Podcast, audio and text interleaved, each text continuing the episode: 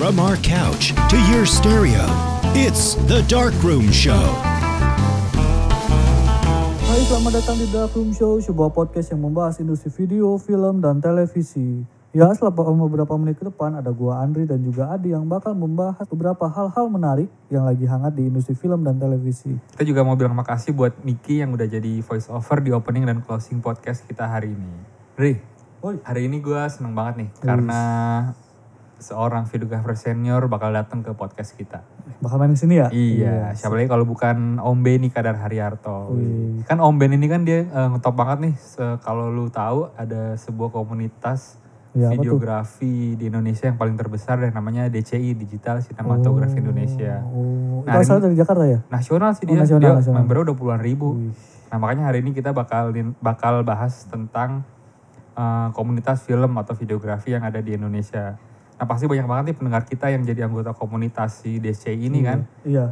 Makanya hari ini kita bakal ngulik lebih dalam bareng Om Ben. Oh iya, sebelum ngulik nih, ini gue bakal ada artikel nih. Seperti biasa. Seperti biasa. Supaya pendengar kita paham tentang komunitas, Komunitas videografi, di Indonesia. Oke. Silakan Dre. Yang pertama itu dari Jawa Pos, Sinematografi Indonesia tempat kumpulnya sinematografer handal Indonesia. Industri kreatif di Indonesia lagi gencar-gencarnya dikembangkan. Gak terkecuali industri perfilman. Mulai dari film produksi besar hingga film pendek mulai marak dibuat. Penggiat film yang semakin banyak yang membentuk adanya komunitas. Salah satunya adalah Digital Cinematography Indonesia atau DCI. DCI bukan nama yang asing di dunia sinematografi. Komunitas ini dibentuk tahun 2010. Hingga sekarang DCI memiliki hampir 52.000 anggota di seluruh Indonesia. Kini DCI memiliki cakupan lebih luas yakni bidang videografi dan sinematografi Gak cuman diajarin bikin film nih, kamu juga bakal lebih tahu tentang kamera, editing video, dan hal-hal yang ada dalam dunia sinematografi. Nah si DCI ini atau kalau bilangnya DCI. DCI, kan Indonesia DCI ngomongnya. DCI ini, ini buat yang belum tahu nih salah satu komunitas videografi terbesar di Indonesia Indri. Oh iya. Alumni juga ngetop-ngetop sih kayak Mas Gun tuh. Gun. Terus Narasena sama Putra Ausa juga dia mereka tuh anggota DCI dulu. Sekarang udah udah pada pro lah mereka kan Iya, ya. iya. Kalau lu ikutan gak? Gue ikutan, gue dari gue dari 2015, 15 lah waktu gue kuliah tuh. Iya. Tapi lu sempat ikut ngumpul gitu? Enggak sih, cuman Cuman- cuman, ini doang sih, cuman ngobrol-ngobrol doang di di di forum Facebooknya nggak nggak sampai uh, ikut gatheringnya, cuman ada ada yang gathering kan dia dia di seluruh Indonesia jadi gatheringnya ada di daerah-daerah, cuman kalau gua mantau lewat Facebook aja. Kalau di daerah-daerah sih sering mereka pada ngumpul kan, jadi DC ini jadi kayak wadah buat filmmaker filmmaker daerah nih yang buat mereka bisa berkarya sambil belajar juga kan. Suka ngadain hunting juga kali ya? Iya, jadi videografer videografer apa uh, bikin film bareng Oh. para sama anggota-anggota DCI daerah sering juga. Ya semoga aja kalau komunitas-komunitas kayak gini, komunitas videografi ya pada umumnya, semoga makin banyak deh di daer- daerah-daerah kan. Jadi, uh, jadi uh, mereka orang-orang daerah jadi ada tempat buat belajar, terus tempat buat berkarya juga gitu. Tapi kadang-kadang juga tiap daerah ada nama komunitasnya juga. Kalau Iya. kayak di gua di Bandung tuh ada RF, RFB itu Ruang Film Bandung namanya. Oh, itu satu Bandung apa Jawa Eh, Barat? Satu Bandung. Bandung Tapi kalau nggak salah itu anggotanya juga ada di sekitar Jawa Barat. Oh, tapi pusatnya di Bandung. Pusatnya di Bandung. Iya. Kalau di Jakarta apaan?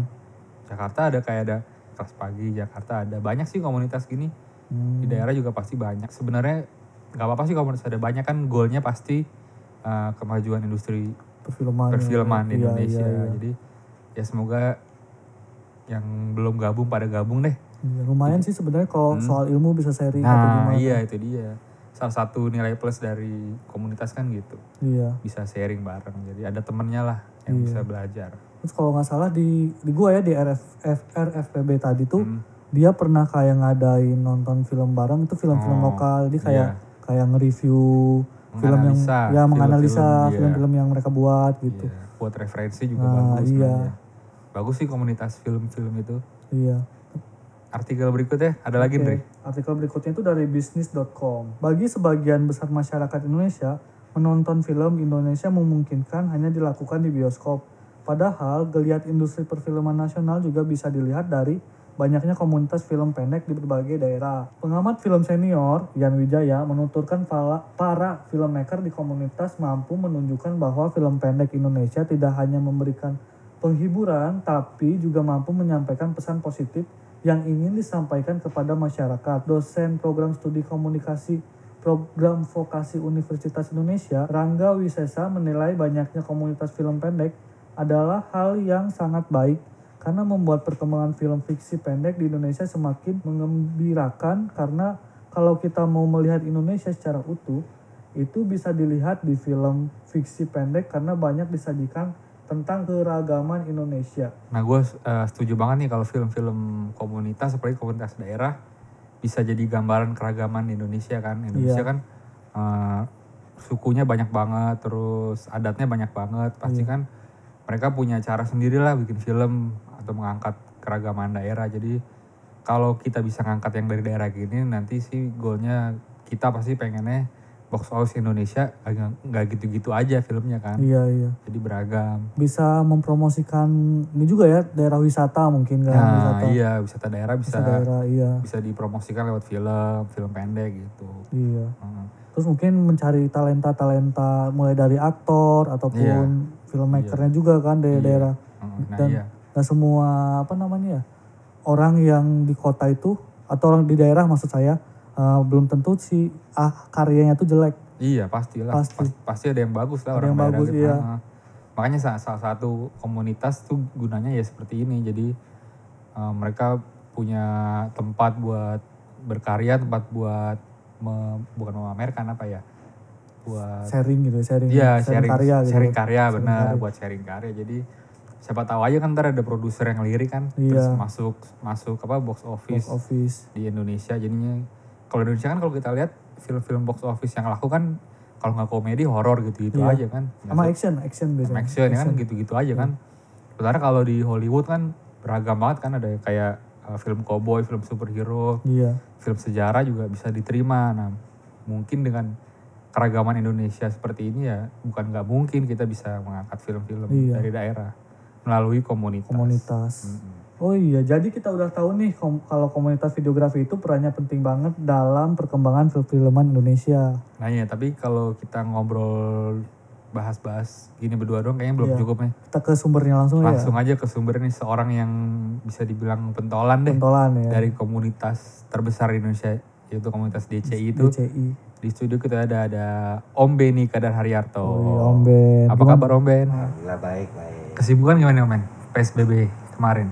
Em, kesibukan kerjaan sih nggak ada, tapi kita sok sibuk ini aja eh, nge-live terus apa Oh iya. eh, workshop workshop online gitu. Ya untuk menjaga kewarasan aja. Daripada pusing mikirin job ya. iya, jadi kan karena karena berasa kita berasa ketemu orang gitu Hmm. kan, walaupun nggak ketemu secara langsung, tapi kita berasa ngobrol sama orang gitu aja. Sekarang ininya virtual ya, ini apa? Virtual gitu. Interaksi virtual. Iya benar-benar. Tapi kalau sekarang ini setelah PSBB selesai, produksi teman-teman udah mulai mulai Hmm. ada gitu kan Hmm. dengan dengan protokol pastinya ya Hmm. gitu. Tapi eh, kalau tergantung budget juga sih kalau yang ada budgetnya mereka eh, protokol benar tapi kalau nggak ada ya udah gimana ntar aja gitu. Pak dilepas Om, aku mau nanya nih yang Boleh, boleh. Om ini kan kalau aku baca nih kemarin uh, basicnya fotografi sebenarnya ya. Awal-awal mulainya. Gua hobi aja Hobi fotografi. ya jadi tapi ter, eh, menyeburkan diri ke Nah. dunia sinematografi gitu Bisa diceritain nggak gimana sih nyebrangnya dari fotografi sampai ke videografi? Hmm, kalau fotografi ke videografi nggak sebenarnya eh, gue tuh waktu dulu masuk IKJ karena eh, pengen kuliah foto kan sebenarnya tapi karena kuliahnya juga cuma satu semester eh, ya udah gue men- menceburkan diri aja ke dunia film gitu Hmm. akhirnya eh, dari dari mulai masuk sebetulnya gue terakhir pegang kamera itu sebelum tahun 2000 sekian itu tahun 80 eh 9 itu terakhir pegang kamera. Hmm. Setelah itu nggak pernah motret lagi karena kan dulu pakai film ya. Iya. Iya, Jadi iya. ada ya mahal lah ya. Iya. Itu hitungannya mahal gitu. Nah, tapi eh, jadi gue jadi soundman eh, di sound department terus eh, pindah jadi asisten director produser sempet tapi bukan urat gue di situ jadi Hmm. nggak tahan. Akhirnya begitu eh, zamannya DSLR Pati Martu gitu dan dan dan apa eh, 550D gue dibeliin kamera waktu itu maksudnya beli kamera untuk satu job gitu akhirnya ya udah eh, passion kamera gue balik lagi ke situ. Dan sekarang kan eh, foto sama video eh, just a matter of eh, switching, aja Switching, gitu kan satu switch gitu. Kameranya sama ya. kameranya sama sekarang sih kurang lebih gitu deh Hmm. gitu. Berarti dulu pas zaman zaman awal mula videografi, kamera yang dipakai itu apa ya? Eh, pertama kali Pertama punya kali. 550D Canon 550D Oh, 550D, gitu iya. karena itu kan kamera Legend. yang murah tapi hasilnya bagus Buat video iya. buat video ya karena dulu kan sebelumnya kalau kita mau bikin video lumayan aja mesti pakai eh, PD 170 kalau nggak salah Oh, Sony iya, PD betul. 170 itu kan harganya 30 jutaan Iya. gitu kan mampu lah beli Iya. 30 juta gila. Yang mau bagusan dikit XL kan. XL itu 70 jutaan. Nah ini gue beli second body only cuman 4 juta. Gitu kan pakai kit berapa ratus ribu udah dapet lensa. Iya. ya udah. Jadi kita maksimalkan di situ gitu. Tapi apa sih yang yang bikin Om Benny tertarik buat menekuni videografi? sebetulnya enggak ya gue tuh emang mungkin eh, eh, jiwa maksudnya apa ya passion gue tuh di film gitu Hmm. sebetulnya di film ya secara keseluruhan ya. Hmm. Eh, dan gue terus terang nggak bisa kerja apa apa lagi dagang rugi terus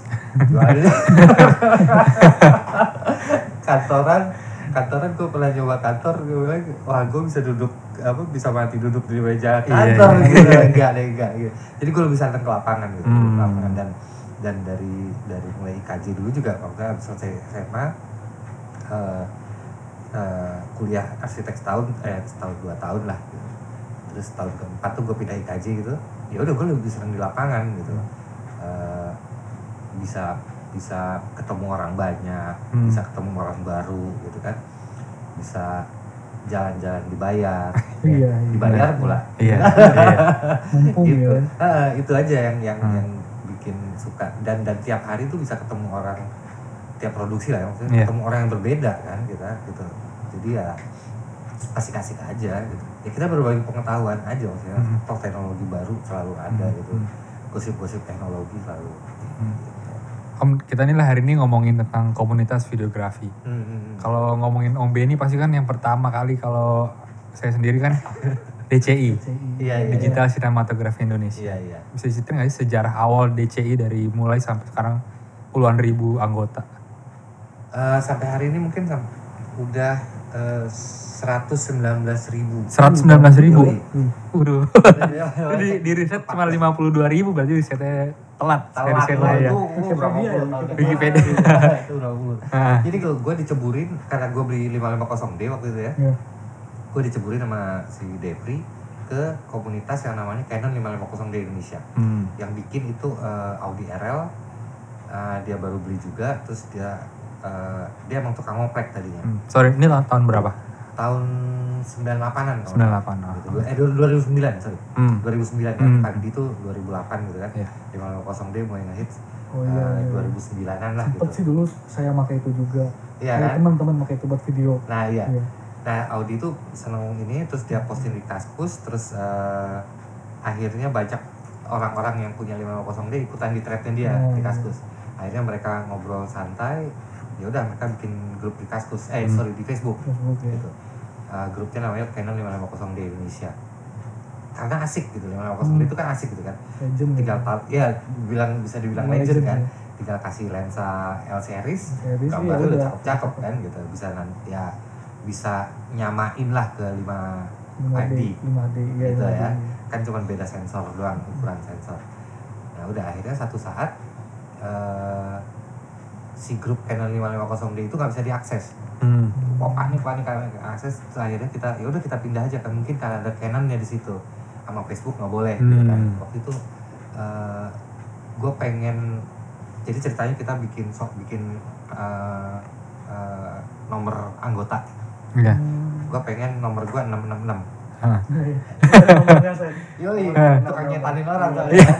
Dan itu susah banget. Kita se- eh, ada orang em, apa gabung satu orang, tiga orang. Oh itu seneng banget lima Iya. orang. Wah, welcome.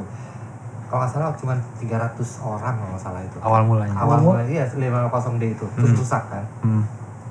itu asiknya karena kita ngobrol santai udah kayak keluarga semua nah begitu rusak apa nih nama grupnya ya akhirnya keluar DSLR Sinematografi Indonesia kan kita Hmm. pakai DSLR kan tapi pengen ngomongin tentang sinematografi atau videografi. Hmm. ya udah akhirnya keluar DSLR Sinematografi Indonesia. Ya udah dari situ mulai berkembang berkembang berkembang.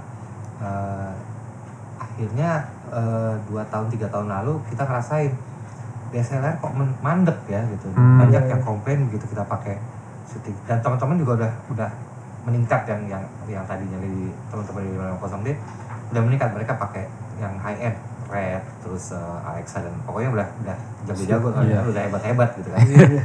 Nah, udah akhirnya eh, ada ada juga yang pakai handphone posting. Ini kan DSLR bukan handphone sinematografi handphone gitu kan.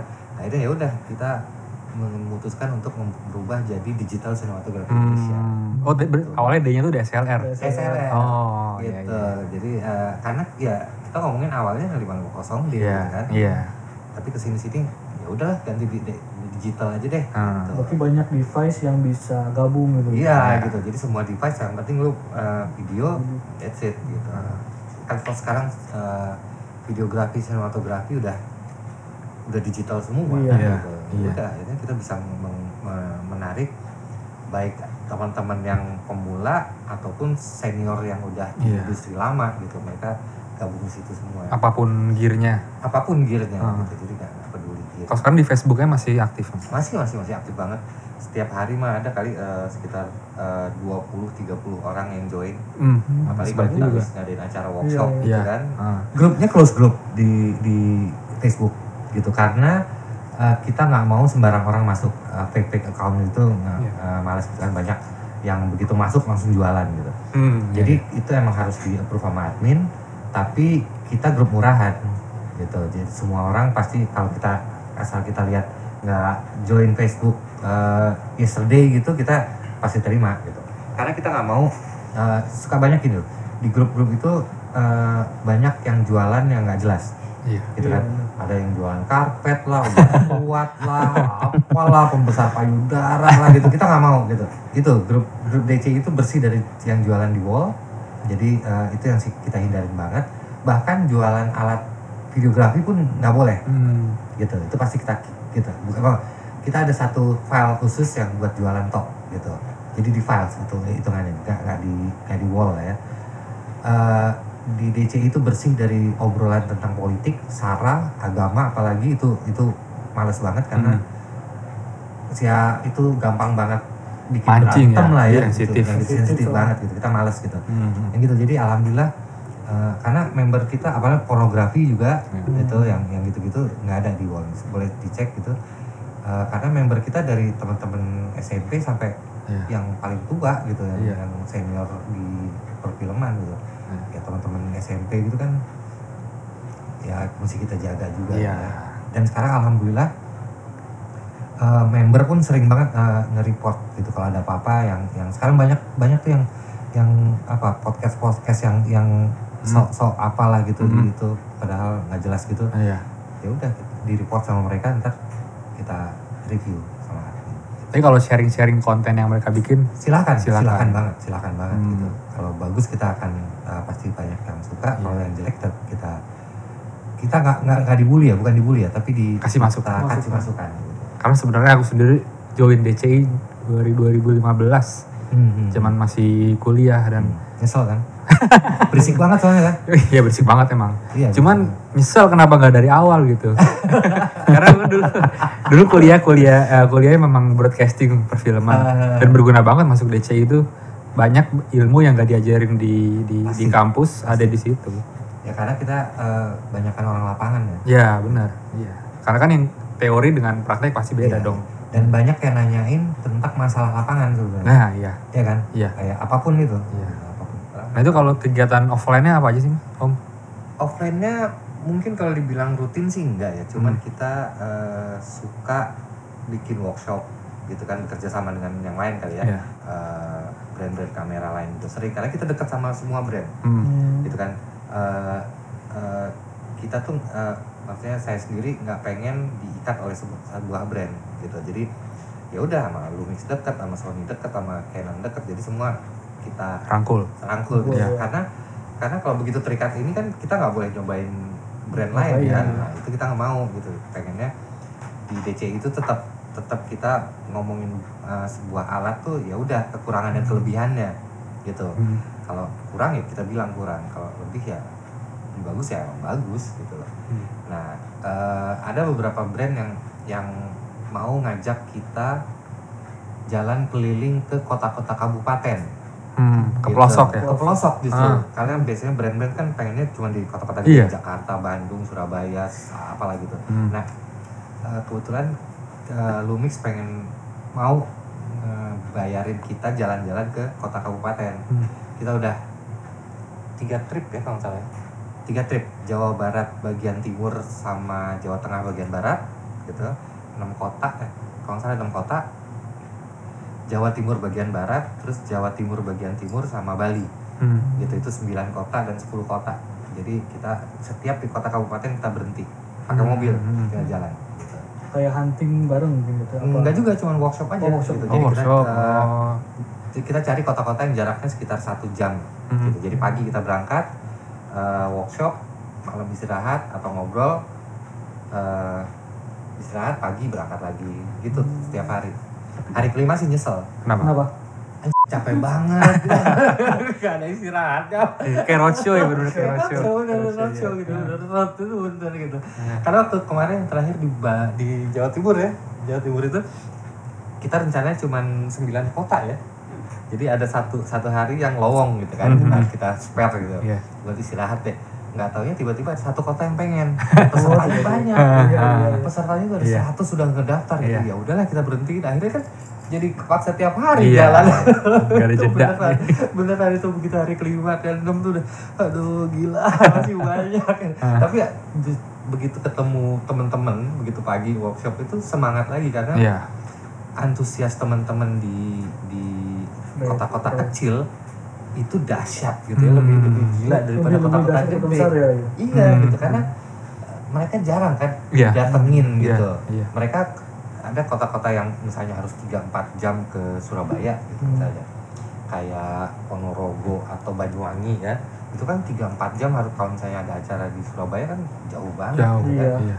nah sekarang mereka didatangin sama kita gitu ya senang banget gitu Iya. pasti rame gitu Berarti kalau DCI udah sampai ke pelosok udah penetrasinya hebat banget ya. Si DCI itu udah secara DCI secara online ya secara Facebook Hmm. karena kan uh, uh, ini banget ya maksudnya ya uh, apa uh, internet uh, di mana-mana Di mana-mana. Nah, Hmm. jadi kita punya sebenarnya di grup di di handphone saya ada kurang lebih 55 grup WhatsApp Hah? DCI DCI ya regional.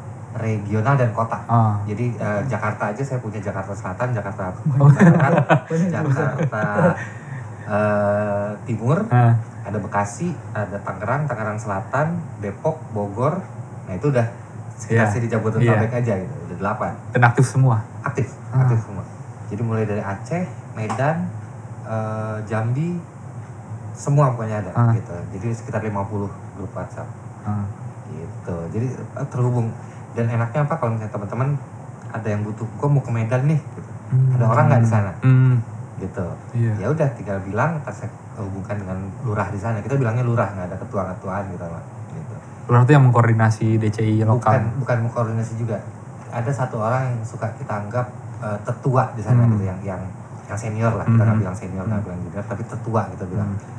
Eh, nah itu yang kita atau yang paling aktif Hmm. gitu yang mudah dihubungi gitu gitu Oh, jadi dia juga yang handle semuanya gitu. nggak menghandle juga membantu lah Oh, membantu Maksudnya ya, membantu. Karena karena eh, DC itu bukan eh, sebuah organisasi saya bilang itu grassroots banget Hmm. pergerakan ya udah nggak ada ketua Eh, kita punya ketua tapi ya udah ketua aja Ketua aja. ketua dan bendahara toh waktu Iya. segala macam nggak ada santai banget kok gitu nggak ada yang senior nggak ada yang junior di Hmm. DC Om pernah nggak sih kayak ngadain nonton bareng gitu sama kru-kru ataupun anggota-anggota DCI tapi Mhm. filmnya film dari anggota gitu. Eh, secara official enggak, tapi eh, eh, ada beberapa teman yang Om Gun kan juga bikin gitu kan Iya. kalau nggak salah diputerin terus kita, Iya, mereka dia benar. ini malah eh, tiap hari apa tuh lupa gue Iya, masih iya. rutin atau enggak gitu nggak tahu Om Gun terus kalau misalnya secara langsung sih nggak ngebahas film kita nggak pernah tapi di mas dia DCI nggak nggak satu kota aja sih di seluruh ini Hmm. mereka kadang-kadang eh, kadang-kadang di, di beberapa kota suka ngadain. Suka ngadain nonton bareng. suka suka suka nonton bareng gitu ada. Kalau bikin project bareng pernah belum? pernah. Hmm. pernah beberapa kali gitu. Jadi salah satunya Silent Heroes. Itu eh, kita syuting Jakarta Pontianak sama Singapura. Jadi itu ada member DCI semua gitu krunya. Terus ada beberapa film banyak kok. Eh, Detak waktu itu kita bikin film Detak belum belum tayang. Kita sengaja memilih eh, Purwokerto sebagai Hmm. eh, lokasi. Dan itu eh, semua timnya adalah teman-teman keluarga besar DCI kita nggak suka nggak bilang komunitas kita lebih suka Hmm, keluarga, keluarga. karena keluarga banget tuh. Iya. Uh, dan itu kita ketemu mereka waktu kita trip uh, roadshow itu. Gitu. jadi kita waktu itu ke Garut Tasik Purwokerto ke Malang dan lain-lain. Nah udah kita ngobrol yuk kita bikin film yuk ayo. Kita bikin film di Purwokerto tentang budaya Purwokerto budaya Lengger gitu banyak sering kok sering Emang kekeluargaannya ini banget ya. Dulu erat banget erat banget dulu gue pernah ngalamin waktu uh, workshopnya Mas Gun di Jogja. Di Jogja. Itu anak-anak DCI kan, kan gue sempat ngobrol Hmm. juga sama anggotanya. Ada yang dari Semarang pada datang. Iya. Antusiasnya tinggi banget. tinggi banget karena mereka nggak nggak sekedar workshop, tapi ngumpul juga. waktu itu saya pernah workshop di Banjarmasin Iya. oke terus abis itu saya harus ke Padang untuk workshop juga Hmm. Nah itu ada satu anak dari Banjarmasin mau ikutan ke Padang. Ya udah ayo aja. Hmm. Dia sendiri pun merasa bahwa teman-teman DCI di Padang itu nggak cuma ngelihat saya sebagai DCI gitu, tapi melihat dia sebagai keluarga juga Hmm. gitu. Jadi ya udah kayak Iya. keluarga gitu kita Keluarga. kita begitu bilang anak DCI itu ya udah eh, eh, semua keluarga kalau ke mana Iya. aja dianggap Iya, welcome pasti. Welcome banget, Iya, welcome banget gitu. Iya. gitu bahkan bahkan kalau nggak usah sama gue saya mau ke mana ke Medan Hmm. ya udah tinggal bilang sana ntar dibantuin sama teman-teman di Iya. Medan gitu Iya. atau di mana pun setiap saya ke mana-mana sih mereka ngumpul Ngumpul. tapi kadang-kadang juga sering banget ke eh, eh, Bekasi waktu itu su- suka tiap minggu terus eh, ngopi-ngopi bareng sih sering teman-teman di, di Hmm. luar itu pasti ada kalau misalnya itu juga Makassar eh, Lampung suka kok suka. Biasanya bahas tentang seputar karya atau ada lagi misalnya bahas tentang project ataupun kadang-kadang mereka bikin bikin satu ini bareng gitu. Kayak eh ini eh Bukalapak. Iya, waktu itu bikin eh, apa eh, lomba video. Gojek bikin lomba video. Itu Bukalapak yang menang dari DCI Jaksel. Komunitas dia yang bikin gitu. Bukan bukan DCI jadi DCI Jaksel Hmm. yuk kita bikin yuk. Di grup Hmm. WhatsApp. Ayo mereka gabung bikin sesuatu. Menang alhamdulillah. Gitu. Eh, DCI Depok juga gitu eh, mereka masuk finalis tapi nggak menang. Gitu. Jadi grup lokalnya udah bergerak iya sendiri. iya. Gitu. Jadi ada ada banyak yang yang tadi yang nggak kenal gitu ya. Kita ngumpul sekali akhirnya mereka bisa bagi-bagi job. Hmm. berkumpul dalam satu lingkungan kerja. Iya. Om tadi tadi kita sempat baca artikel di awal-awal kan katanya ada pendapat ahli yang bilang karya-karya dari komunitas film Indonesia terutama komunitas di daerah itu bisa dijadikan bahan representasi keragaman di Indonesia. Hmm. Menurut Om gimana? Setuju atau nggak sih? setuju banget Hmm. setuju banget gitu Eh kapan ya tahun lalu saya eh, jadi juri festival film mahasiswa Hmm. Hmm. se Indonesia Indonesia. gitu. Yang menang itu nggak dari Jawa nggak dari Sumatera itu dari Atambua Hmm. Tambua, Atambua Timur Tim, eh, Nusa Nusa Tenggara. Timur Oh. NTT Ya, dan kota paling ujung pas perbatasan Timur Timur Hmm. gitu itu menang itu keren banget filmnya gitu Eh, ya itu karena karena eh, eh, internet mungkin ya Iya. Universitas YouTube jadi semua Ah. orang bisa belajar eh, sendiri Hmm. kalau minat akhirnya hampir ya ada di di di, di luar Jawa luar kota-kota besar itu mereka hebat-hebat Hmm. bagus-bagus gitu banyak teman-teman di, di di luar Jakarta yang bagus-bagus gitu Hmm. bahkan eh, kalau mau film serius pun teman-teman Makassar kan udah bikin produksi banyak Iya. setahun tuh ada ber- belasan film gitu pada waktu itu ya eh, Hmm. dua tahun yang lalu nggak tahu sekarang belum menghitung lagi gitu yang pasti sekarang eh, lebih menyebar lah dan Hmm. saya yakin ke depannya industri film itu eh, akan menyebar nggak nggak tersentralisasi di Jakarta Hmm. Jadi bisa segala bisa wilayah. bisa bisa semua wilayah Indonesia Eh, akhir tahun lalu Panasonic bikin Panasonic yang filmmakers kan Iya. Iya. pesertanya berapa Berapa? 600 Seluruh Indonesia. seluruh Indonesia 600 video masuk Ah. gitu artinya kan dari seluruh Indonesia Iya, gitu iya, walaupun iya. ada yang ada yang standarnya dari Iya. dari A sampai Z ya gitu tapi which is secara jumlah cukup dahsyat kan Iya. dan yang menang juga nggak dari Jawa juga itu dari Hmm. eh, Mentok itu dari di Pulau Bangka Ah. itu tiga jam dari airport Ah. Ah, ah, Gitu. ah, ah.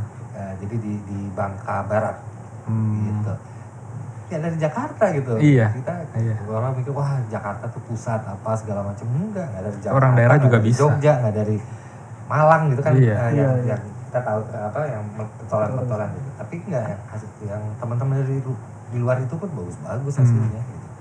jadi saya kalau misalnya ada itu ya setuju banget Hmm. Dan salah satu wadahnya ikut komunitas ini kali ya. komunitas gitu Bisa sharing, bisa Iya, iya. menampilkan karyanya lah. Nah itu saya, saya selalu bilang sama teman-teman gitu ya kalau ke mana pun saya pergi, you have to show off your your uh, Iya. karya gitu. Karya. Karena kalau lu taruh di hard disk aja buat apa gitu kan?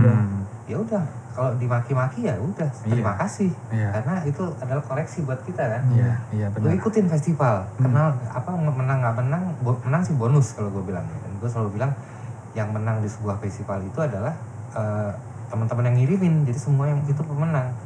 Yang nggak menang ya ya lu yang nggak berani ngirim. Yang berani ring. Iya, kalau gue bilang gitu. Sudah berani tampil, Yoi. menampilkan karyanya Yoi. lah ya. Ha, ha, ha. Karena kan itu kesempatan ya. Iya. makanya Iya. Kalau kalau festival kan jurinya kan pasti orang-orang hebat, gitu. Iya. Pasti orang-orang yang udah di industri lah ya. Iya. kalau lu menang lu pasti dikenalin sama itu jadi kalau misalnya pun satu waktu dia ada kebutuhan di let's say di mana gitu di di kota lo pasti mereka akan nyari Hmm. Nah, artinya ada kesempatan terbuka itu ataupun lo mau eh, ikut magang misalnya saya ikut magang dong di di tempatnya siapa misalnya Hmm. Mira Lesmana, Riri atau siapa gitu Joko Anwar pasti udah kenal gitu nggak lo Iya. bukan somebody yang dari Baru. nowhere gitu Iya. yang nggak dikenal gitu palingnya itu sebenarnya kesempatan di situ Hmm. Tapi kalau misalkan yang karya yang paling keren menurut Om tuh yang dari daerah biasanya tentang apa? eh macem-macem sih maksudnya macem-macem Ah, yang waktu itu di Atambua itu tentang alam Tentang alam. Nah, yang di Bangka kemarin juga Hmm. yang menang paling FM itu juga tentang alam pelestarian Hmm. alam Em, ada beberapa juga waktu itu di Lampung festival film eh, di Lampung juga eh, yang menang tentang alam Berarti kebanyakan film kompetisi itu tentang tentang alam supaya lebih les- lestari gitu ya buat seperti ya sebenarnya alam itu kan universal banget ya Iya. maksudnya bisa ditarik ke mana aja gitu Iya. ke karena kan orang suka kalau eh, bikin festival itu suka bikin tema kan Hmm. nah alam ini kan bisa ditarik ke tema Iya. apa aja gitu Hmm. Eh, apa eh, universal banget gitu jadi eh, saya bilang ya banyak tentang alam yang bisa bisa berbicara di Iya. dunia apa pun gitu terus bisa juga jadi sarana apa namanya pariwisata mungkin Iya, iya, iya, sarana pariwisata, pelestarian lingkungan, macam-macam lah banyak. Iya. Universal banget kok alam itu. Ada yang unik gak kira-kira? Maksudnya selain alam nih ada konsepnya apa gitu yang kira-kira unik mulai dari jalan cerita ataupun pengambilan kamera. Oh banyak banyak eh, PYFM yang sebelum ini Hmm. itu kita sampai bingung menentukan pemenang karena ada ada filmnya bagus ya maksudnya eh, lengkap gitu ya Hmm. eh, directingnya bagus kameranya bagus editingnya bagus dan lain-lain tapi ada ada yang unik ada eh, kalau nggak salah itu eh, pemenang apa terpaksa kita bikin eh, honorable mention. Ada satu yang yang yang lucu eh, dari Jogja. Itu one shot. Hmm. anak kecil berlima ngobrol di atas beca. Udah itu aja Hmm. ngobrolin bebas aja gitu ngobrol. Serasa bebas ya padahal saya, kita tahu lah itu di direct ya. Iya. tapi anak-anaknya bagus terus cuman one shot dan sukses one shotnya gitu banyak banyak kok yang unik-unik banyak banget banyak banget dari dari teman-teman daerah otaknya kalau saya bilang sih teman-teman itu nggak ada otaknya bebas banget. Bebas. iya bebas banget gitu nggak ada otaknya gitu kalau kita kan produksi oh kita mesti ngotak semua kan Iya. wah ini ini kalau nggak bagus ini ada sistemnya, gitu, iya. Udah ada. nggak seru gitu kalau mereka nggak ada otak Bebas. bebas banget Tapi kalau ngomongin daerah sama kota kan pasti ada lah kesen- namanya kesenjangan pasti ada kan. Hmm. Daerah dengan kota kalau ngomongin alat juga kan. Sekarang kan banyak banyak banget yang bikin film apalagi teman-teman di daerah dengan smartphone doang, iya ya kan? Iya. Kalau menurut Om perlu nggak sih mereka ini belajar ke alat yang lebih proper gitu? sebenarnya nggak kalau gue bilang kalau teman-teman di di eh, apa di luar sana bisa bikin film yang bagus dengan sebuah handphone aja begitu dia dikasih alat yang bagus pasti lebih bagus Hmm. hasilnya gitu loh Hmm. kan lensa cuma satu Iya. ya kan terus eh, ya udah segitu segitu aja handphone doang gitu Hmm. Eh, tapi kalau misalnya bisa menghasilkan sesuatu yang dahsyat gue selalu bilang gini kalau misalnya kita punya budget banyak gitu ya misalnya oke unlimited budget nih gue kasih nih lo terserah Hmm. dia mau bikin apa Hmm. gitu terus filmnya jadinya bagus itu biasa banget gitu kan tapi kalau misalnya kita punya nggak punya alat alat terbatas budget terbatas terus eh, ya segala macam terbatas tapi bisa sese- bikin se- sebuah film yang bagus itu ya baru luar biasa Hmm. Dengan keterbatasan. dengan keterbatasan Hasilnya- hasilnya, bagus itu yang luar biasa Jadi jangan jangan terpengaruh dengan alat besar ya. Enggak, enggak, enggak. Yang penting idenya. Idenya. ya. tetap orang bilang eh, content is the king tuh Hmm. Nomor satu cerita. iya pasti cerita konsep Hmm. Ngomong soal teknologi kok Om, aku pernah baca interviewnya Om Ben yang sempat apa ya marah-marah karena salah wah satu marah yang pernah komen lah salah satu uh, footage anak DCI ya yang diam, diambil dalam tanda kutip oleh stasiun TV swasta banyak dengan menuliskan courtesy YouTube. of YouTube banyak gitu. banyak Sebenarnya kalau kita upload video di YouTube itu public domain yang semua orang bisa gunakan apa gimana nah, sih? sebenarnya gini YouTube sendiri Hmm, itu kan nggak bisa di download kecuali kalau kita izinkan benar. Iya. Iya. Iya kan? Benar Hmm, kan? Iya. nggak boleh digunakan nah, Iya. artinya itu aja dia udah melanggar begitu dia Hmm. mendownload dia pakai third party Jalur belakang apa, lah. iya Iya. itu dia udah melanggar gitu kecuali kalau emang kita klik boleh di download ya itu aja Hmm. Gue bilang eh, Oh, pencurian ya? pencurian Hmm. gitu Banyak TV-TV yang Banyak kayak banget. banyak banget anak DCI banyak banget Eh, bahkan gini waktu itu eh, Tara Tara Arts gitu. Rap, harus. rap. dia diwawancara oleh lupa gue atau apa gitu terus dia menampilkan karyanya dia Hmm. karena itu adalah organisasi besar dan dan organisasi sebuah organisasi justru punya dia yang di take down Oh gitu. gitu Oh, dianggap iya, iya, bahwa iya. yang asli itu yang yang yang di itu. yang di TV Hmm. Gitu kan wawancara terus ditampilkan satu satu Iya. full screen lebih kan Hmm, hmm. sementara itu ngambil dari dari channelnya dia Iya. which is taranya juga yang yang Iya. diwawancara Hmm. gitu Hmm. tapi akhirnya oleh YouTube di di recognize sebagai punyanya si TV. gitu punya si Tara yang udah tayang berapa waktu lama itu justru yang yang piracy gitu yang yang yang di take down Hmm. gitu akhirnya akhirnya eh, setelah setelah dikasih surat-surat segala macem lepas lagi maksudnya Hmm. gitu. Tapi banyak juga yang teman-teman kita yang kayak Unggun pernah, Om iya, Wowo pernah. pernah juga yang slow Iya. motion gitu. Iya. Eh, ya udah itu tergantung mereka Hmm. gitu. Ada juga satu Om Bolang, eh, Tekno Bolang itu eh, Lost Packer. Nggak sengaja dia di airport dong. Begitu lihat Hmm. TV wall, Hmm. filmnya dia semua, full tanpa izin. Ah. Gitu. Terus terus gua, eh, dia bilang, "Um, mungkin ini gimana? Ayo kita tuntut yuk. Gue bantuin deh. gitu. Ah. Terus eh, berapa ya ini ya gue nuntutnya? Eh, kalau 20 juta, 30 juta kebanyakan nggak ya? Eh, gue bilang, sini deh, gue yang nuntut. Lu gue bayar 30 juta, Ah. 50 juta gue bayar. Gue tuntut sana 2M. Ah. 2M atau lebih. Iya. Iya. Soalnya itu semua footage-nya dia dan Ah. disambung-sambung Oh. gitu. Semua filmnya dia disambung tanpa menyebutkan itu punya lost packer atau apa. Eh, bahkan kalau salah di crop kalau salah Hmm.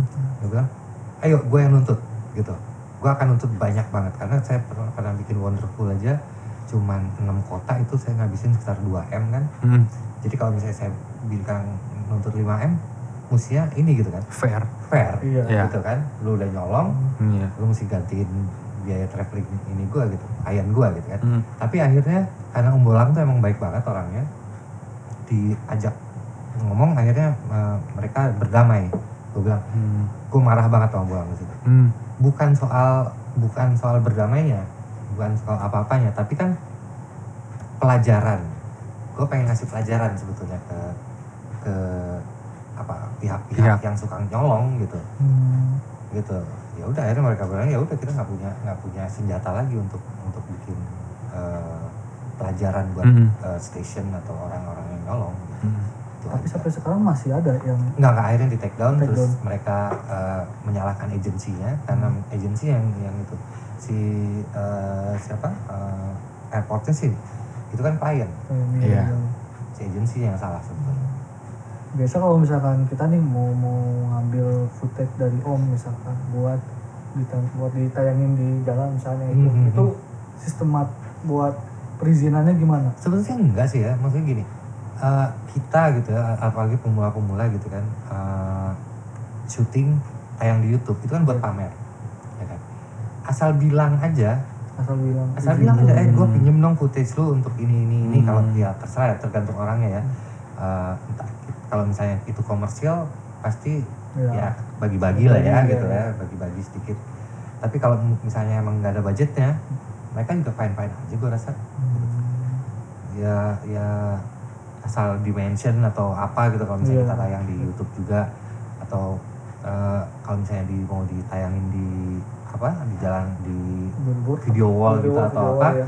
tinggal kasih aja shot by ini itu kan mereka udah seneng banget Hmm. gitu ya bangga iya pasti tapi kan lu mesti menghargai itu aja lu mesti menghargai yang bikin kan let's say gini eh, travel aja contohnya orang mesti naik gunung lu mau TV itu mau menunjukkan apa misalnya pegunungan Dieng atau Bromo gitu kan. Ya kan si si videografer mesti ongkos ke sana waktu ke sana Hmm. tenaga buat naik gunung. Itu kan ada costnya ada ada yang harus dikeluarkan walaupun cuma tenaga doang nebeng orang. Tapi kan tenaga mereka waktu mereka ada. Nah yuk lo hargain dikit deh Hmm. gitu. Iya. itu aja lo hargain eh, j- gua rasa lu s- bilang gue pinjem ya footage lu buat di acara ini itu pasti orang juga akan senang dia nungguin dia eh, record terus eh footage gue dipakai nih di TV ini Jadi kebanggaan. kebanggaan tersendiri gitu Kalian promo ke sekalian promo buat mereka Iya. juga kan sebenarnya itu aja asal asal bilang sih fine fine aja sih. Asal dihargai lah Asal karya dihargai, karyanya. penghargaan Iya, Kan pekerjaan seni kan itu karya Benar. seni kan. benar banget benar. Heeh. Ke depannya menurut Om, apakah harus ada hukum yang mengatur tentang itu dan lebih ditegaskan gitu? sebetulnya ada. Haki kan ada. Udah hak ada. ada hak intelektual kita ada gitu. Hukumnya ada. Cuman teman-teman kita begitu mau bilang eh, hak paten itu mikirnya kan duit. Hmm. Iya, ya kan? Pajak. berapa nih gua mesti bayar Iya. eh, bikin hak paten? Iya. sebenarnya enggak kok nggak terlalu mahal. Misalnya kita syuting di di jalan-jalan ke Bromo gitu ya Iya. satu. Kita habis misalnya let's say eh, berapa Eh, satu giga gitu ya misalnya eh satu giga mah deket ya sekarang satu tera Hmm. ya udah kirim aja ke ke Ke Haki. Haki lu patenin itu footage lu udah artinya kan itu kalau ada apa-apa lu bisa ngeklaim itu bahwa itu footage gua loh gitu Hmm. Berarti sebenarnya videografer Indonesia belum banyak yang tahu tentang hal itu ya? ya ya? itu itu yang yang yang dan dan dan pihak Haki pun nggak nggak apa ya nggak Nggak berusaha untuk iya, mengedukasi. mengedukasi Hmm. gitu jadi itu case by case Iya. Jadi gitu. orang nggak nggak nggak tahu itu kan. Nggak tahu. Nggak- kalau mereka nggak nanya terus mereka juga nggak jelasin. Enggak, Iya. enggak, itu sebetulnya. Ya, ya, ya kita juga ama- masih kurang banget. Ingat gak eh, yang kasus terakhir si KK Oh iya. Iya, yang di take down. Take down dia. di take down kan? Iya. Yang nge take down sebetulnya eh, Pencipta musisi, lagu- pencipta lagunya. Eh, label, Label. Label. label, Oh iya kan? label label. label kan? Nah Label itu yang- kan ketidaktahuan itu, gue pakai, gue pengen nyanyi nih, Hmm. gue Hmm. pengen share di YouTube, nggak taunya meledak. Kalau nggak meledak sih mereka cuek. Iya. Iya. kalau meledak baru kasus. Hmm. Nah yang gitu-gitu yang yang banyak yang itu juga gitu gitu juga sih. Mungkin karena melihatnya Pengetahuan. kayak uang kali ya. Iya iya iya pengetahuan pengetahuan tentang hak kita yang sebagai pencipta itu aja yang kurang. Tapi untuk ngurusin haki kayak gitu eh, ribet nggak sih? Enggak sebetulnya enggak. Nggak ribet ya? Enggak, enggak ribet. Ntar kapan-kapan deh kita ngo, eh, gue Kita coba ngobrol di sini, Ngobrol, ya. kaki. ya ngobrolin haki di sini lucu juga gitu atau Iya, ya let's say jarak jauh juga nggak apa-apa kali Iya. ya kita bisa kali ya udah te- teknologi Virtual. virtual Karena banyak juga kan video footage-footage siapa dimasukin di Banyak. Instagram, terus Banyak. di Iya. repost banyak. iya banyak banyak. Iya. begitu nggak ada nggak ya nggak meledak kayak si Iya. kayak gitu cuek. Gue, tapi begitu wah Iya. meledak ada duit ini Iya. baru klik ah ya lah. kayak gitu gitunya sebetulnya gitu Cuman ya dari awal. ada yang yang beberapa teman juga dipakai gitu ya Hmm. begitu disodorin nominal ya udah Hmm. nggak lucu juga gitu Malah sebenarnya bukan nominalnya kan. sebetulnya sebenarnya kalau kalau gua Iya. bukan soal nominalnya nominal tuh nomor dua tapi Iya. eh, pelajarannya yang pengen gua tarik. Hargai lah. hargain sih. Ah, ah, hargai Betapa susahnya ya Bang, ah, Om ya, apa namanya mikir sebuah konsep, cerita kayak Iya. gitu tapi ya wala- walaupun nggak nggak pakai mikir paling nggak tenaga lu Tenaga. jalan-jalan Oh, tenaga iya. waktu lu bikin itu gitu, Terus gitu. alat, alat mungkin juga. alat ya oke lah alat juga gitu gitu sebetulnya itu kok Hmm.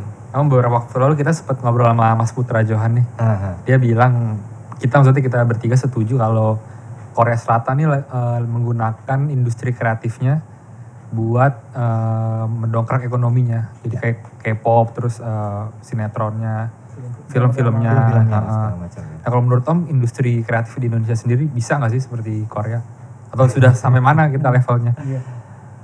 Eh, gue nggak berat hati mengatakan kita masih jauh banget Hmm. sangat berat gue Hmm. karena gini em, nggak ada walaupun eh, kemarin ada apa ya industri kreatif kan dibuatin badan ya Hmm, badan iya, iya. kreatif gitu kan Kreatif. tapi ternyata sekarang dilebur kembali ke masuk lagi ke Kemenpar Kemen Hmm. Kemenpar Eh, salah satunya kan ya eh, di bidang itu adalah film dan eh, TV kalau nggak salah juga di situ eh, fotografi juga di situ terus ada eh, video lah video sendiri gitu kan Hmm. nah kalau saya bilang itu masih masih masih jauh banget kalau dibanding Korea karena teman-teman eh, musisi aja masih berantem sama eh, Hmm. pembajak-pembajak yang itu gitu Hmm. kan masih masih mereka kita masih masih jauh banget Hmm. film apalagi film masih harus kita harus berantem sama film-film asing untuk Hmm. sekedar tampil di bioskop di negara kita gitu itu itu masih masih masih jauh jauh jauh banget dan kalau mau dibetulin itu udah kayak eh apa ya hairballnya kucing yang baru dimuntahin sama dia Hmm. gitu ujungnya aja nggak tahu di mana gitu Iya. jadi Ruwet. ruwet banget Sebenarnya kalau dari individu dari individu sendiri orang kreatif Indonesia banyak banget kan ya. banyak banget banyak banget Ah, gitu kalau misalnya di kalau misalnya kita Masih urus ya. bener gitu Iya. Eh, ya kalau boleh kasar eh, kalau boleh ngomong sih ingat ke dulu waktu eh, kalau nggak salah apa gitu ya kita eh, nyolek dikit tentang film Hmm. gitu Eh, tekstil kita di band di eh, Amerika Hmm.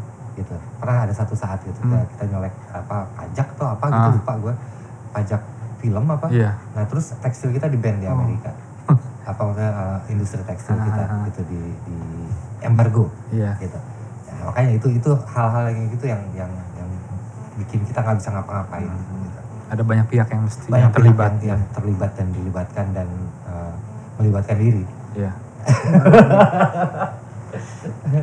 Om, kalau kita bandingin sama industri film negara Asia nih, uh, tadi kan kita udah ngomong Korea, terus Hmm. sekarang Thailand juga udah mulai uh, masuk ke pasar internasional juga kan. Hmm, hmm. Ada saran-saran nggak sih om buat uh, industri film atau filmmaker filmmaker Indonesia?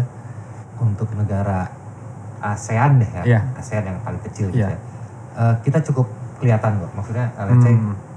banyak eh, kru kita dan pemain kita mulai dipakai di Malaysia kemarin tuh ada eh, Kang Yayan Ya, Yayan. itu juga mereka syuting di ini Eh, ada beberapa film eh, produksi Malaysia yang yang kru dan dan pemainnya dari Indonesia gitu ya which is kita tahu lah Malaysia kayak apa filmnya gitu Iya. kalau kalau Thailand eh, mereka bagus-bagus karena kita lihat dari iklan-iklannya juga asik-asik banget gitu ya eh, eh, Konsepnya kreatif. kreativitas kreatif eh, Iya. mereka bagus banget Iya. asik gitu dan kita juga banyak menggunakan eh, kru Thailand ya untuk iklan ya Oh iya. banyak banyak Oh. Eh, karena eh, terutama rambut mereka pasti bagus Ah. gitu beda, Kita belum. beda, beda sama orang kita. beda beda beda banget teknologi eh, apa ya kerajinan mereka sih Ah. sebetulnya Ah, teknik mereka untuk eh, iklan rambut tuh cukup Oh, gitu. ngejelimet Iya, iya. gitu Eh, tapi kalau untuk di negara-negara yang lain eh, Filipina juga eh, Vietnam banyak kru kita yang di sana sekarang Hmm. gitu secara film kita masih diakui kok gitu. Iya. secara kru dan dan ini ya kreativitas masih diakui di ASEAN gitu. Hmm. cuman eh, balik lagi kita untuk putar di bioskop aja mesti eh, ngantri di bioskop Iya. kita sendiri ya Bioskop Indonesia sendiri. gosipnya sih sekarang untuk film horor eh, kalau lo bikin sekarang lo bi- bisa tayang dua tahun lagi Iya. film horor Oh iya. dengan dengan jalur eh, ini ya benar Iya, ya? iya, iya, bukan iya. bukan dengan jalur bisa bisa jalur lain misalnya Ah. kita join dengan eh, PH gede Ah. lo pasarin film gua itu bisa cepet Oh. tapi kalau misalnya jalur lo datang ke eh, apa Twenty One Bukan ya. gue punya film nih eh, titip tayang dong Iya. Iya. itu Dua tahun. film horor dua tahun lagi Oh. Kalau film-film genre lain itu yang Indonesia masih sama. masih bisa Masih bisa. masih bisa masih masih banyak tanggal-tanggal eh, yang di nggak disukain sama PHP Hmm. Hmm. gitu waktu kayak gue bikin eh, Silent Heroes Silent Heroes tuh film Indonesia eh, pertama yang full bahasa Mandarin gitu. aneh sih Eh, tapi Hmm. pasarnya juga sangat terbatas Iya. gitu ya dan karena waktu itu Gongsi Pacoy kita dapat tanggal segitu Hmm. karena itu tanggal nggak disukain oleh PH Oh gitu. karena orang-orang nggak nggak nonton kan Iya, iya, Gongsi Pacoy itu malah pergi ke rumah saudara Iya. atau apa atau apa tapi nggak nggak nonton beda sama Lebaran Ya. kalau Lebaran Libur pas pasti. liburnya orang nggak ada kerjaan nonton gitu kan. tapi kalau Gongsi Pacoy nggak kan malah ke rumah saudara gitu kan nah itu itu kita dikasih pas pas itu cerita tentang uh, uh, budaya barongsai. Hmm. pas dikasih ya udah jeblok. Oh ya om, ini saya mau nanya, kalau misalkan di bioskop itu ada proporsinya nggak sih? Misalkan 50% film barat, 50% film lokal gitu? Ada nggak kalau di bioskop saat waduh ini? gue bisa bisa dimusuhin orang banyak nih. Lo sekarang buka warung Hmm, ya kan? Nah terus uh, warung kue ya, oke warung kue terus lu import kue dari luar. dari luar nastar dari Singapura. Hmm, ya lu. Terus gue datang ke lu. Gue di nastar gue dong. Iya, ya kan? Nah yang mana yang lu jual duluan? Yang itu, nastar dulu pasti kan? Oh, iya. jualan dulu iya. pasti ditaruh di di etalase depan kasih lampu. Ca- cantik. Nastar gua pojok aja sana. Hmm. depan gua ya gitu aja deh Hmm. oh iya iya iya, nih. Oke oke. Kita balik ke komunitas nih kalau gitu deh. Kita ke komunitas aja deh kalau gitu. Ini soalnya kan, Eh, yang- mana-mana Ya. record ya. Komunitas aja oh deh. mereka pun enggak itu rahasia umum sebenarnya Ah ya. rahasia umum banget gitu umpamanya gitu aja iya. Kalau dari Om Benny sendiri ada nggak sih saran-saran buat eh, komunitas dan anggota-anggota komunitas terutama yang ada di daerah-daerah? apa ya rajin gue bilang sih rajin-rajin gaul rajin-rajin pamer gitu karena dengan kenal sama banyak orang kita lebih banyak belajar lebih banyak dan kita jadi nggak jadi jago kandang Hmm, bikin ya. film nih bikin film oke sama teman-teman satu komunitas aja gitu loh Iya. satu komunitas wah ditonton sama mereka kasih lihat ke ke emak bapaknya mereka ya pasti bilang bagus. Iya, Iya, iya benar. iya kan? Begitu Iya. kita kasih lihat ke orang lain gitu "Lo bikin film apa sih? Itu nggak jelas banget gitu. Yang gitu yang orang lainnya ya eh, nggak nggak ada tendensi apa-apa. Iya. dan itu enaknya di DCI di DCI itu nggak eh, komen pertamanya pasti bukan mantap gan. Kalau di komunitas lain mungkin komen pertamanya mantap gan Iya. sedap gan apalah gitu. Kalau kita nggak kalau di DCI nggak bagus bilang bagus jelek bilang jelek Hmm. gitu. Jadi eh, ya show off jadi jangan jangan jadi jago kandang gitu Dan jangan takut menerima kritik kali ya. Eh, itu Iya. kalau dikritik justru bilang makasih Iya, kalau gue bilang gitu karena itu adalah eh, salah satu cara kita belajar kan nggak Iya. kalau kalau kita nggak bisa belajar di secara formal ya Hmm. secara sekolahan atau apa gitu ya itu cara kita belajar gitu dan cukup mahal gitu kan Maksudnya Iya. Iya. jarang juga orang film jelek ya udah jelek ah Iya. K- karena kritik itu kan usaha juga orang mau mau gini foto musik kita bisa ngelihat kapan aja dengan waktu sebentar musik kita bisa sambil naik mobil bisa tapi kalau film itu kan kita mesti diem Hmm. menonton Hmm. gitu loh bagus atau jelek ya kalau mau tahu bagus atau jelek mesti sampai selesai 5 menit 10 menit 15 menit lu ngabisin hidup orang itu secara Iya. ini 15 menit atau se- sepanjang film itu merebut perhatian Hmm. merebut waktu orang gitu. Hmm. Nah artinya eh, kalau lu dikritik artinya dia udah nonton secara lengkap ya lu harus terima kasih gitu jangan jangan malah oh enggak gini gini gini Jangan malah membantah Entah apa-apa. membantah atau apa atau memberikan alasan enggak waktu kita bikin tuh ya orang kan nggak mau tahu Iya. cara lu bikin Yang penting kan outputnya, yang outputnya dilihat. gitu Hasilnya. hasilnya Hmm, hasil betul, akhir nggak bisa lu Hmm. cek ngasih alasan lu ke semua orang di Iya. 300 negara jadi kirim kirim aja gitu toh banyak sekarang yang video lomba video yang nggak usah bayar kan? Iya, daftaran iya. free free aja lu kirim aja Iya. gitu. Kirim aja. Menang itu bonus kalau gue bilang. Menang itu bonus. Yang penting lu bisa udah berani menampilkan karya lo gitu. Kalau perlu hubungi si jurinya PM atau DM aja. Lo- eh, film saya ikut. Tolong kalau misalnya nggak menang pun nggak apa-apa. Tapi tolong kasih masukan dong Hmm. gitu. Iya. banyak kok teman-teman yang gitu. Iya. men gua gua ikut yang ini nih. Oke. Ntar eh, gimana filmnya bagus nggak ya udah kita kasih masukan ini ini ini, ini gitu palingnya kita belajar dari situ Darkroom Show episode kali ini disponsori oleh Lensgo. Lengkapi kebutuhan fotografi dan videografi kalian dengan Lensgo, mulai dari mikrofon, mini tripod, hingga memory case. Lensgo punya deretan produk menarik dengan harga yang pastinya aman di kantong. Pastikan produk Lensgo yang kalian beli bergaransi resmi PT Dirga Pratama Indonesia. Karena ada garansi sampai dengan 5 tahun di produk-produk tertentu. Produk Lensgo sudah tersedia di dealer-dealer resmi dan e-commerce favorit kalian. Atau follow juga Instagram at LensGoID untuk informasi produk terbaru. Biasanya nih di segmen ini kita bacain rekomendasi film dari teman-teman follower kita di Instagram. Tapi karena ada Om Benny di sini kita langsung nanya aja deh apa sih film-film yang mau Om Benny rekomendasikan. film apa nih pendek apa panjang Terserah apa aja. Terserah. Bebas. waduh Dalam luar negeri terserah. waduh Yang pokoknya yang ini deh yang tapi jangan nanya film Indonesia terakhir yang gua tonton di bioskop apa ya? Karena? Gua takut gua nggak kuat nontonnya bosen Hmm. mem- membosankan terus gua keluar. Hmm, gitu. Sementara kita nggak tahu apakah ada pembuatnya di situ atau enggak ah, gitu dia lihat kan "Anjing, si Benny keluar di film gua gitu. Ah, saya, saya rasain gimana kalau film gue digitu ya Iya. gitu kan. Makanya gue nggak berani gitu. Eh, mohon sorry itu saya ya gitu. Eh, belum berani untuk menonton film Indonesia di bioskop jadi gue mendingan nonton di eh, misalnya Netflix atau Hmm. di mana gitu hmm. bajakan juga suka sih tapi itu kalau mo- mohon maaf ya. soalnya nggak susah dicari di Kalau susah mana-mana. dicari, ya. susah dicari di mana-mana gitu ya udah untuk pembelajaran kan Ya, bukan bukan bukan buat hiburan tapi gue pengen tahu gitu Ah, perkembangan film Indonesia kayak apa dan tetap gue masih nggak rela nonton nggak berani nonton di bioskop. Sampai sekarang ya. Hmm. karena gue belum belum menemukan lagi eh, film Indonesia yang bisa bikin gue wow. Gitu. Walaupun gue belum belum pernah bikin film.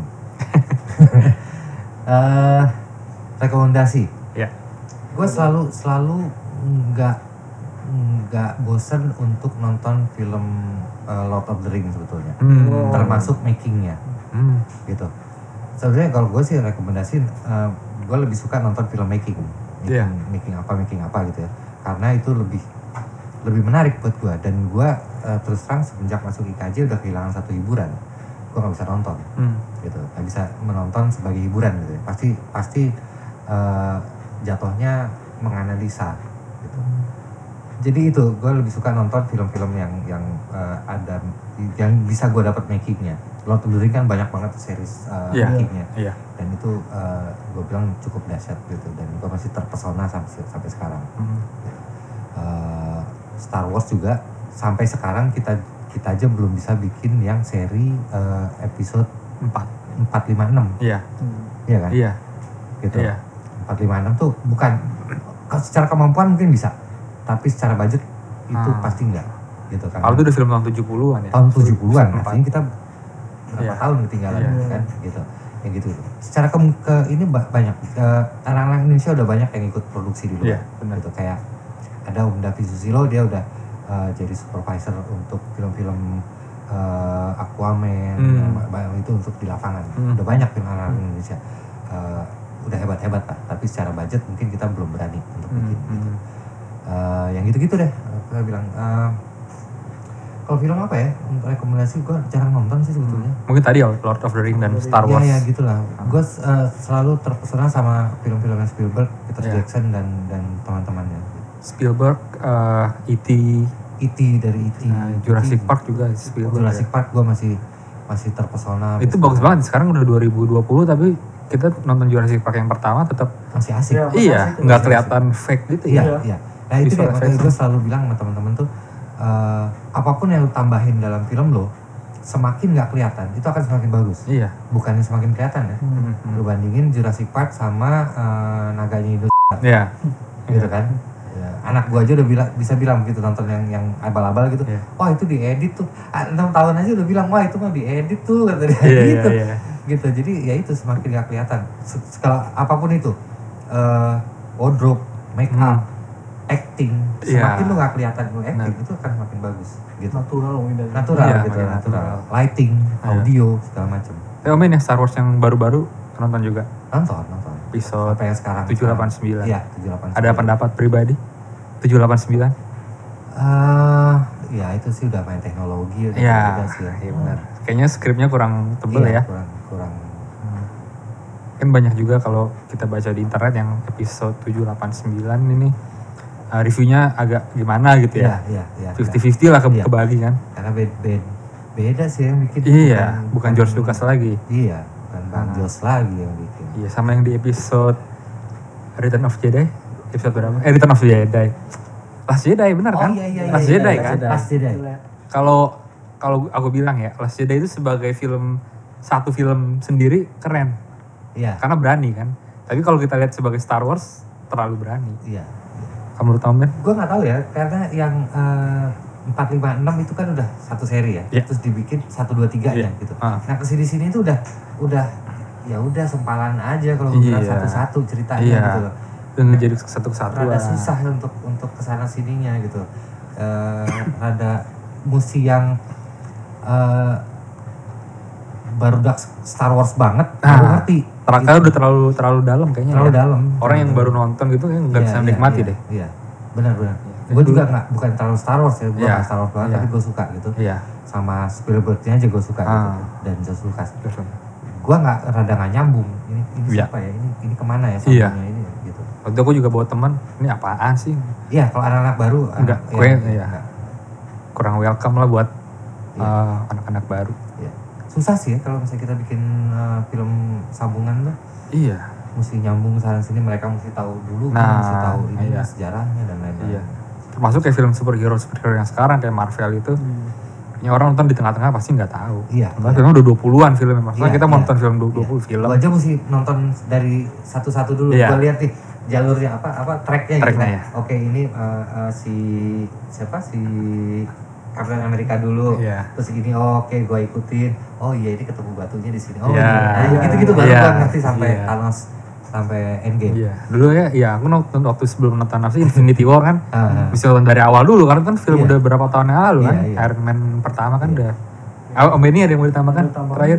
Eh, enggak sih kalau gue misalnya eh, ini aja buat teman-teman di di mana pun gitu ya eh, yang suka bikin film bikin aja terus mesti mesti kita pamerkan jangan lu taruh di harddisk Hmm. kalau taruh di harddisk kan begitu eh, mau pamer ke gua gitu gua mesti datang ke rumah lo begitu tapi lo begitu lo nyalain komputer lo jebol nggak bisa ngomong apa apa Iya, lagi lo iya. cuman bilang ada kok di sini ada filmnya di harddisk gua ada gitu. jadi pamerin aja gitu. jadi semua orang bisa bisa melihat eh, lo gitu bisa melihat lo jadi saya sih sekarang kerja dan selalu saya bilang sama semua orang saya kerja bikin musik sama teman-teman di Bengkulu. Bikin eh, motion grafis sama teman di Bangka Hmm. di Mentok itu. Karena apa mereka show off ke saya. Om gue bikin ini. Eh, dan dan dan sebagai pemula ya kita mesti hayuan gitu. Bu- bikin showreel sebanyak banyaknya gue juga dulu waktu waktu awal-awal terjun ke eh, film gitu ya eh, disuruh syuting sehari itu gue cuma dapat duit lima puluh ribu gitu ya 50 ribu tahun itu sampai sekarang ya berapa ratus ribu lah 200 200 ribu ya 200 200 300 ribu gitu. Ya udah lu yang penting lu masuk dulu ke circle-nya. Ya. gitu. Masuk dulu ke circle-nya tinggal tergantung cara lu berjuang untuk ke pusaran tengah gitu. Karena lu eh, begitu masuk lu bisa keluar bisa bisa masuk lebih masuk kan. Nah itu. Hmm. dan dan dan eh, show off ke semua orang. Show off bikin real sebanyak banyaknya dan jaga attitude itu aja karena attitude itu eh, apa ya penting banget di dunia film ini Iya. Karena katanya kalau seantar kru aja saling kenal ya. Jadi kalau iya kita nggak enak sama kru ini pasti ntar ke di kru lain juga Iya. banyak Kedengeran gitu. juga kan. nggak bagus karya lu bagus-bagus ya. oke lu naik sebentar lu bentar lagi juga Iya. dipakai malas orang kerja Iya. sama lu gitu apalagi anak-anak baru ya apalagi kita sebagai orang baru masuk Iya. wah, Jangan sombong lah. jangan jangan maaf Udah Om Ben terima kasih banyak nih Siap, udah sama-sama. bergabung di episode kali ini. udah diundang Ya, Semoga yang bisa yang kita obrolin tadi bisa jadi ilmu buat uh, teman-teman. Pendengar kita. Amin Thank you juga buat uh, tim di balik layar Dark Film Show ada Pak Ab yang udah ngatur jadwal siaran kita, asik Abe. Mas Abe, terus Abe. terus ada juga uh, ada juga Edo uh, sound engineer kita yang tadi udah sempat ngomong juga akhirnya setelah beberapa episode. Penasaran. gitu. ini ini jadi ini suara dia pertama nih Pertama ya. asik Kemarin di Putra Jawa ada cuman nggak nggak pakai mic. Ah. Tapi sekarang udah berani tampil Asik. akhirnya. Dia katanya mau nanya-nanya tentang Om Ben tadi katanya. Ya, dia ngefans banget sama Om Ben beneran dia. Panutan saya Om Ben. akhirnya datang juga Om Ben. Jadi pokoknya jangan lupa uh, follow kita di Instagram @darkrumpot dan buat yang mau kasih kritik, saran atau kerjasama bisa kontak email kita di darkrumpodcast.id@gmail.com. Oh ya, podcast kita bisa didengarkan di Spotify, Google Podcast, dan juga Anchor FM. Tetap berkarya dan sampai jumpa lagi di episode berikutnya. tapi ini dark dark room cuma nama agak ini terang kok ruangannya Iya. Next kayaknya bakal digelap. Gelapin. Iya. itu urusan unggun aja deh bagi unggun boleh Rating-rating ya. Oke, thank you. This is Mickey V. Thank you for listening to The Darkroom Show.